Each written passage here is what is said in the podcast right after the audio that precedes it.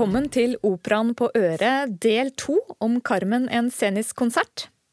Jeg heter Hedda Høgåsen Hallesby, og jeg sitter her med Katrine Winne, som er dirigent og musikalsk leder for denne produksjonen. Katrine, hvem er Carmen for deg? Åh, um, det er jo et kjempestort spørsmål som uh, Og uansett hvem du stiller det spørsmålet til, så tror jeg du vil få forskjellige svar. Uh, men Carmen uh, har vel Hvem har hun blitt for meg? hun har blitt en dame som jeg føler at jeg kjenner litt. Som jeg kjenner igjen litt. Og en dame som er veldig autonom og ganske ukrenkbar. Ehm, så jeg syns at det er fascinerende. Jeg vet jo hva som skjer i operaen, men likevel syns jeg alltid det er fascinerende å følge med på utviklingen. Hvilke liksom, vendinger historien tar rundt henne, og hvordan hun alltid eh, bevarer sin autonomitet og eh, sin eh, indre styrke og tro på sitt eget budskap og sin egen vilje. Det er vel Carmen for meg. Hvordan framstiller Bissé det i musikken, syns du? Carmen har sitt eget lille tema i, eh, i, denne musikken. Et litt orientalsk, eksotisk, eh, spennende tema som skiller seg fra resten av musikken. Og aller første gang vi hører det, det er etter den velkjente delen av uh, overtyren, den overtyren som nesten alle publikummere kjenner fra før, så hører vi dette utbredt i langsom, bred, stor orkesterpalett, så hører vi Carmens tema.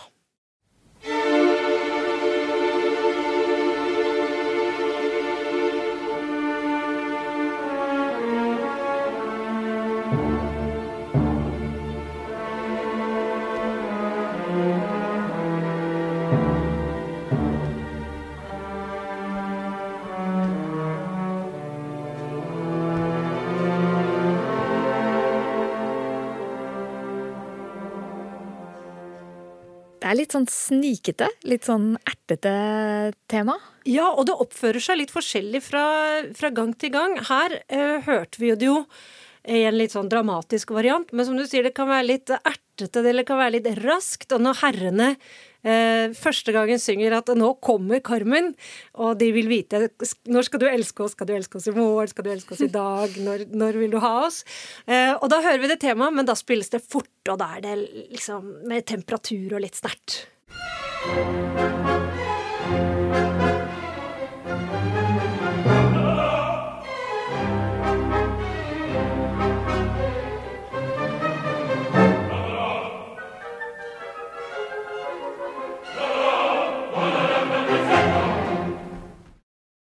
Men så har vi andre karakterer her som, eh, som også får klar, klare farger i musikken. Mm. Hva med denne mm, Micaela, for eksempel? Micaela er gøy, fordi um, man tenker jo ofte Eller noen ganger har hun blitt tolket som uh, at det er litt synd på henne, eller hun er veldig redd i skogen. Uh, men jeg oppfatter også henne som en ganske sterk karakter. Og hun er drevet av annet sin sterke gudstro. Og når Micaela synger, og spesielt når hun synger eh, på vegne av Don José sin mor, for hun kom jo dit som sendebud eh, på vegne av mor eh, for å fortelle Don José at her er det både nyheter, her får du brev med nyheter, men du får også penger. Så dette her er jo nesten som en transaksjon. Det er nest, nesten litt manipulerende. Um, og så da et kyss. Uh, og du skal kanskje gifte deg med meg, rett og slett. uh, og du spør om musikken, Hedda, fordi um, da får jeg assosiasjoner når hun synger om mor, til et kirkeorgel. Og det er ikke sånn kirkeorgel sånn uh, Bach, det var en gang et menneske, så, ikke sånn svært brusende, men mer et sånt sakralt, dempet, mykt kirkeorgel eh, som representeres her av treblåserne, som ofte spiller langsomme halvnoter i langsom noteverdi, og gir teksten til Micaela et sakralt preg.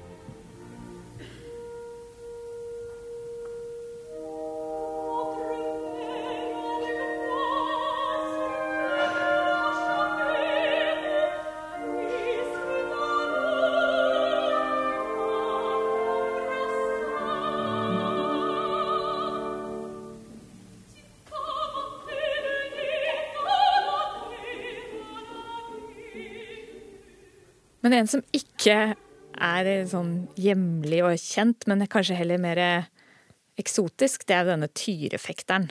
Ja. Escamillo. ja. Eh, hva tenker du når du løfter armene og skal sette i gang Escamillos tyrefekter-arie? tenker jeg at det er bare viktig at det er nok testosteron. og det skal være stramt, det skal være stringent, og det skal være temperatur. Og det betyr ikke at det nødvendigvis bare skal være sterkt, det skal også være svakt. Det skal være ordentlig svakt, liksom.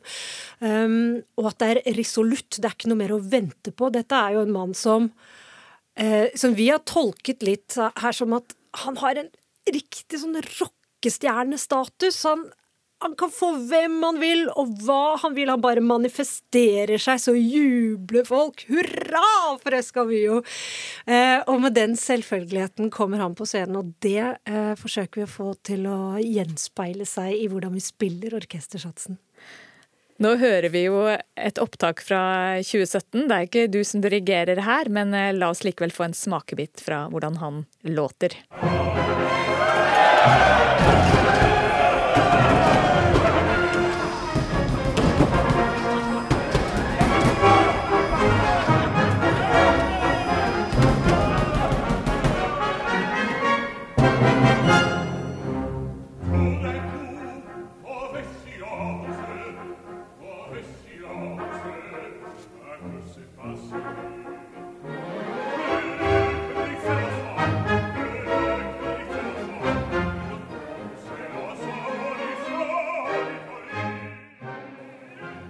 Hva synes du, Katrine, det er verdt å lytte etter ellers i Carmen? Nå har vi hørt noen eksempler fra Carmens motiv, som kanskje også forbindes med skjebnen og eh, Don José som møter denne tiltrekkende kvinnen. Vi har hørt eh, Micaelas eh, myke teppe av strykere og treblås, og vi har hørt Escamillos fest og testosteron. Er det andre ting vi bør legge merke til når vi hører Carmen og Carmen som en scenisk konsert? Det er nydelig melodikk, og virkemidlene er ikke så overlesset, syns jeg, IBC. Han er Til tider kan han være litt så sparsom, men han plasserer ting på riktig sted, som gjør at det får maks uttelling. Mm.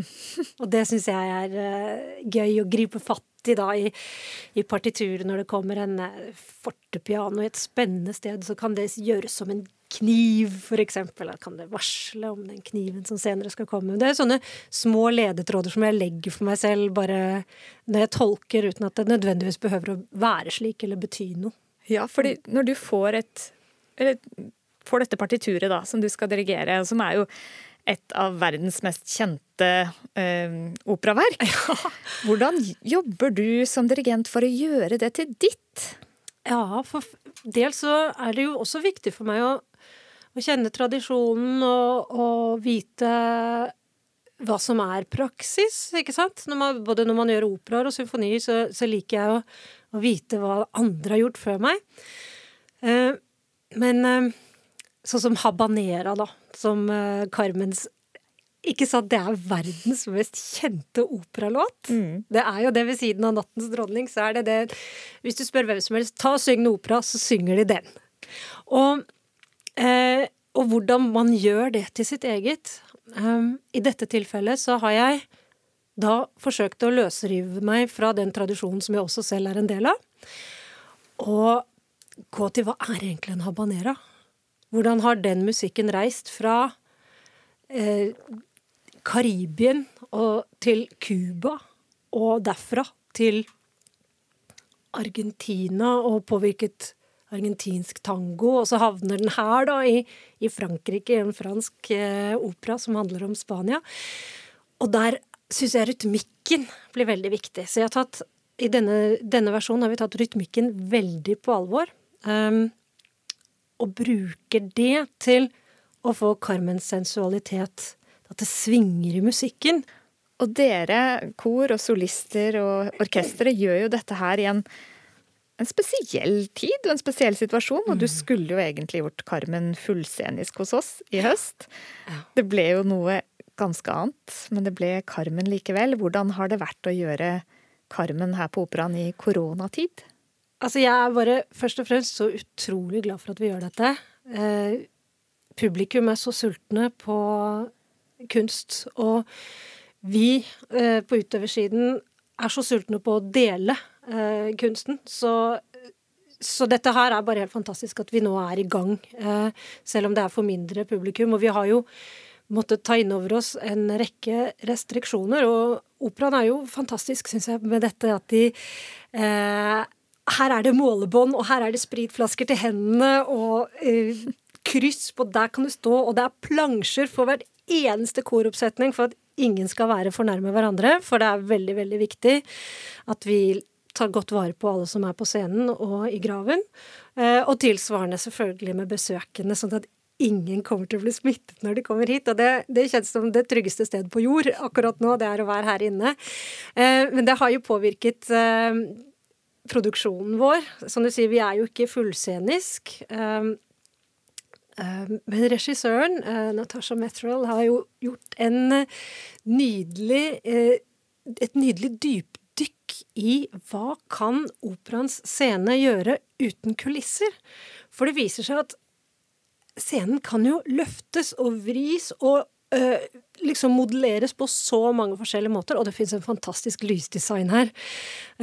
og her er hun nå i, helt på oppløpssida med å, å realisere dette, så det Um, det, det, tror jeg blir noe som publikum, publikum, kan glede seg til å se. Hvilke muligheter som faktisk fins i operaen, slik den er bare i seg selv. Mm.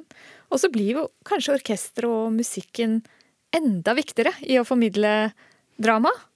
Jeg tror i hvert fall at i denne versjonen så blir det en tett kontakt mellom scene og grav. Vi sitter i en veldig høy grav. Vi er nesten på gulvet, så det blir en intimitet både mellom publikum og orkester, og mellom scene og orkester. Så samspillet her nyter jo også faktisk godt av det. Og vel, når man får sånne begrensninger, så kan jo det i mange situasjoner føles problematisk, men hvis man klarer også å finne Ofte så syns jeg at kreativitet avles i begrensninger, da.